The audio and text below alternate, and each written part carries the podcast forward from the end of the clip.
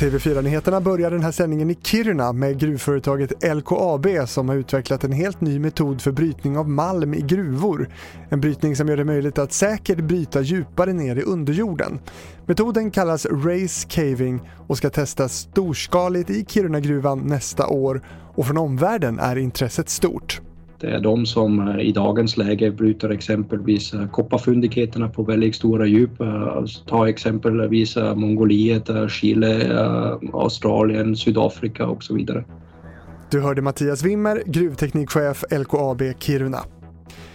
Idag inleds lättnaderna i coronarestriktionerna i Sverige. Det blir det första steget av totalt fem i regeringens plan för en öppning av samhället. Från och med idag får bland annat serveringsställen hålla öppet till 22.30, deltagartaket höjs för allmänna sammankomster och offentliga tillställningar och nöjesparker och tivolin får öppna.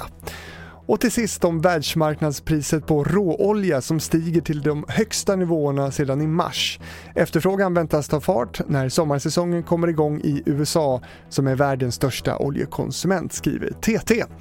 Det här var TV4 Nyheterna. Jag heter Fredrik Rahlstrand.